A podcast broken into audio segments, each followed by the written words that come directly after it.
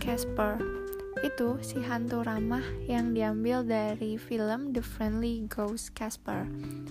Dan ini ada hubungannya nih dengan Caspering yang ada di dalam hubungan percintaan.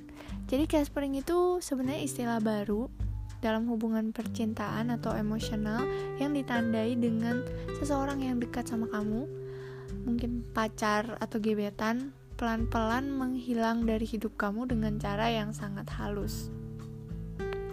Caspering ini kayak dinilai lebih halus lah daripada ghosting. Dan pasti banyak sih kayaknya orang-orang yang belum tahu istilah ini. Dan karena ghosting lebih terkenal ya.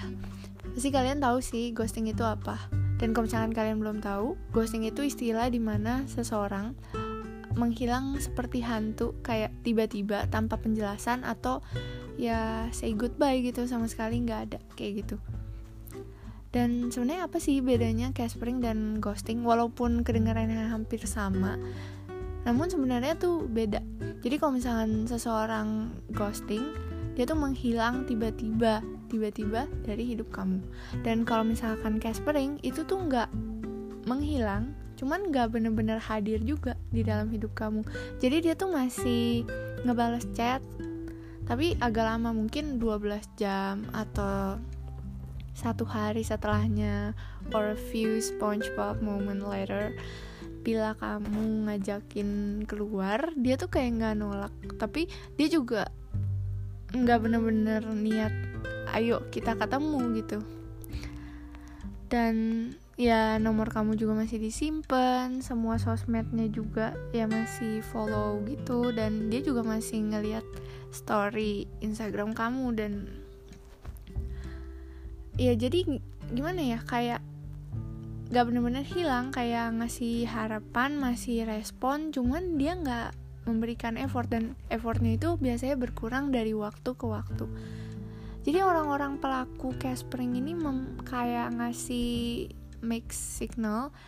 Jadi korbannya tuh bakal ngerasa bingung sebenarnya ini orang mau lanjut gak sih? Padahal kalau misalkan nggak mau lanjut ya nggak apa-apa juga asal caranya ya benar dan pasti yang nggak kayak gini.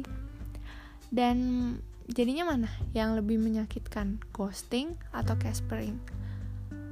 Dua-duanya bukan cara yang baik untuk menyelesaikan hubungan namun kalau menurut gue pribadi caspering itu cara yang lebih kejam sih lebih nggak manusiawi buat ninggalin seseorang karena korbannya bakal terus dihantui dengan harapan palsu, main games, tebak-tebakan, perasaan bersalah, dan kegalauan yang menjijikan karena orang itu tetap ya punya bersikap manis sama si korban.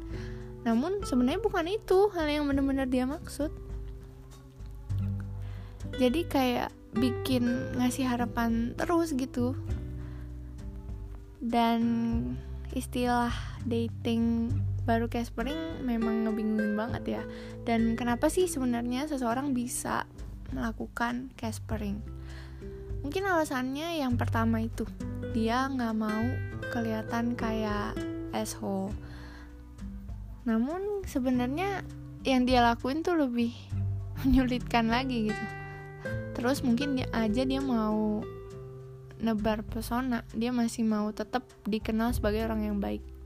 Atau mungkin dia juga bingung sama dirinya sendiri sama perasaannya sendiri. Dan mung terus mungkin ada masalah sama kepribadiannya.